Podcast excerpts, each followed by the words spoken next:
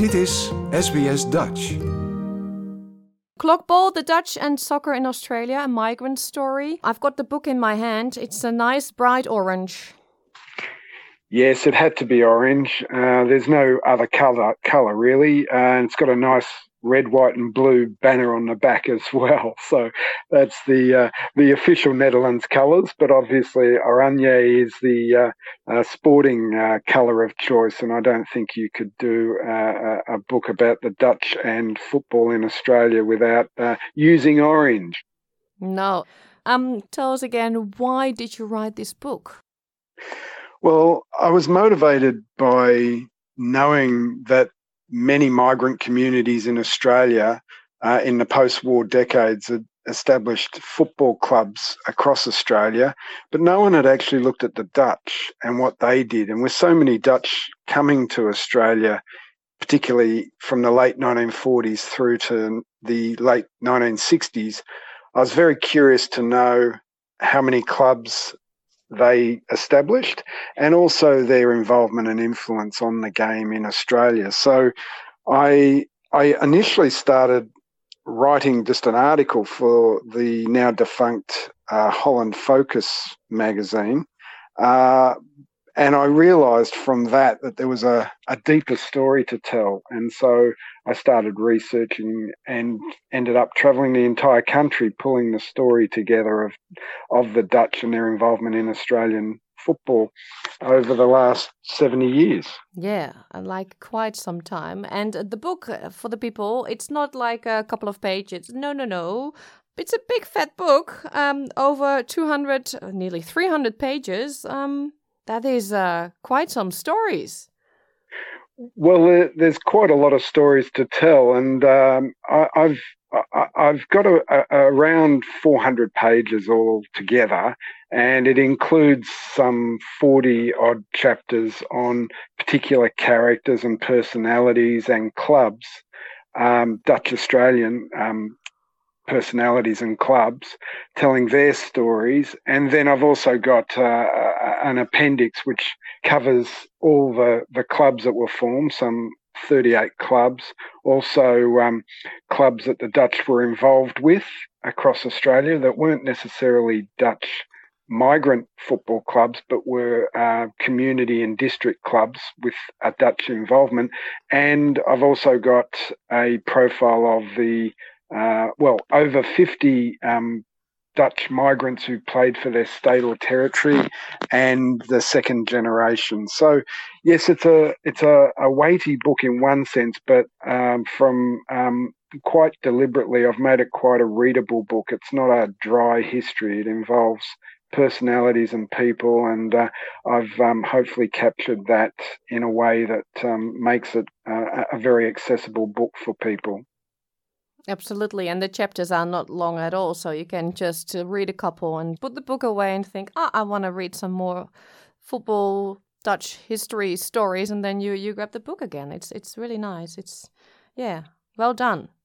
Thank you. Uh, what is your favorite story in the book? Oh, look, there's there's many. I don't have one favorite, but I do have certain um, stories that uh, I certainly enjoyed discovering and then putting them into a, a form that um, made it readable for people. One person that stands out for me, not many people can say that they've actually received a, a, pardon from Queen Elizabeth for their sins, but one particular football player uh, from Perth, John Van Oosten, he happens to be one of them, and that's I had no idea about this story when I began, but John, in fact, was suspended for uh, taking a swing at a referee. He he admitted that he could be a bit impulsive on the pitch at times, and he had a very very frustrating experience in one game where a referee, an Englishman called Gordon Love, was basically um, making it very difficult for John, and and John lost his temper, and he acknowledges he shouldn't have done it. And he took a swing at this referee, and he knows that you cannot do that. He accepts that he got suspended, and he got suspended for life, age 28. But what happened two years later, Queen Elizabeth rolls into Perth on her Silver Jubilee Tour, and the Western Australian Soccer Federation decides to pardon every player who's ever been suspended. And so John was pardoned for his sins and was able to come back and play a couple more years on the pitch in Perth. So I rather like that story. Um, That's amazing indeed. Yes, yes. Uh, another story I found quite amusing um, was the story of Adrian Harmsen, who was actually the very first Dutchman to play representative football for Australia. So some uh, 11 Dutch born players uh, ended up playing for Australia, and, and Adrian was the first in 1954. And um, Adrian wasn't just a talented footballer, both in Holland and in Australia. He was also a talented cricketer, and he actually played in Holland, played cricket in Holland. And as you know, cricket isn't the most popular sport in, in Holland, but anyway, Adrian was very good at cricket, and uh, he he um, came to Australia, and of course he loved the fact that he could play cricket in Australia so easily. And one day he was um, batting for his South Hobart club. This was in March 1954. He he scored 42 runs, then got bowled. Then he raced across town to play for Tasmania in football, scored two goals, and then returned to play cricket again in the afternoon. no way.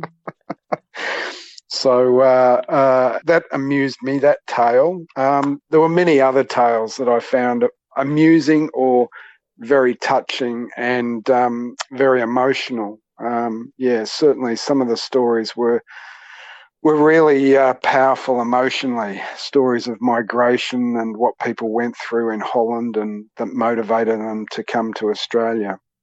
Hmm. And also a couple of famous names in the book, like the Van Egmonds. Eh? We know all yes. um, um, Emily, of course, who played for the Matildas during the World Cup. Her dad, Gary, uh, has an interesting story. Yes.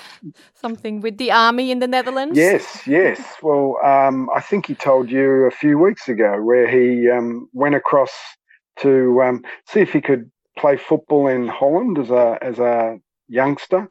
And uh, yes, he was staying in Holland, and then he got a recruitment notice uh, to serve in the Dutch army. Well, that led him to return to Australia because he wasn't going to spend any time in the Dutch army. No, he was um, joking that he's a, a, a fugitive now. That's right. That's right. yeah. It's amazing. You said you've been working on it for seven years and you've traveled around the country. You're doing that exact same thing now to um, launch the book. You've already launched it in Melbourne. It was a great success. I saw amazing pictures. A lot of people showed up. Um, how was it for you to present your baby? Look at it, it's been wonderful to be able to um, uh, see people who gave me their stories and return the stories to them. Um, so in Melbourne, yeah, there were about oh, 120 people turned up, and many of them featured in the book or had family members in the book. And so it was a delight to see uh, how happy they were to see themselves in the book and um, have their stories told or if they weren't in the book, to have um, the the recognition there of the Dutch involvement in the game uh, in Australia, and and um, they could enjoy that for what that was. Um, in Perth, unfortunately, I came down with COVID, so couldn't oh. um, couldn't see through that launch. I had to cancel on the morning, but uh, did launch it in Hobart, and I have a, a, a, hometown in Hobart, so that was lovely to be able to have friends and colleagues uh, present, as well as a couple of Tasmanians who feature in the book there. And then I have a launch coming up in, in Sydney in a couple of weeks. Yeah, and you will return to Perth for the actual launch. Yes, I will. I'll go back in the new year uh, and do a do some sort of event over there. Uh, I've also got a talk coming up in Adelaide in November. Not so much a launch, but an opportunity to talk about the Dutch involvement in the game in South Australia, which is uh, which is a, a significant involvement. A um, couple of clubs were, well, four clubs were formed in South Australia, and they used to play a regular tournament um, every year for over three decades. The Dutch teams and the Dutch influence teams, and there's a couple of Australian representatives um, from South Australia. So yeah, I'm looking forward to giving a talk in Adelaide too in November. Mm. If you don't mind, we're going to put all the dates on our website so people who are interested can look it up and uh, check out if they can come. Do they have to uh, send an email to someone if they want to come? Yes, look, uh, they could go to uh, my website, uh, which is www.clogball.com, nice and simple. And there is a, a, list of the events, and they can just click on and do an RSVP direct. So at the moment, there's the two events listed one, the launch in Sydney on the 21st of September at Berkelouw Bookshop in, in Paddington. And uh, the other one is the event in Adelaide on the 1st of November where I'll be talking about South Australian Dutch uh, and their involvement in the game in South Australia. Yeah. Thank you so much. It's a great, great book, and it's it's amazing that these stories are now uh, there and will be kept and not disappear people who are starring in your book. Most of them are at a respectable age, I reckon. so Indeed. it's very important we keep it all alive and um, we don't lose these beautiful stories. Thank you very much, Pauline. I really appreciate this opportunity to talk about Clogball. Yeah, congrats and um, good luck also with the launch in Sydney.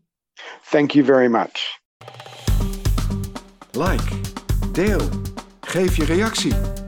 Volg SBS Dutch op Facebook.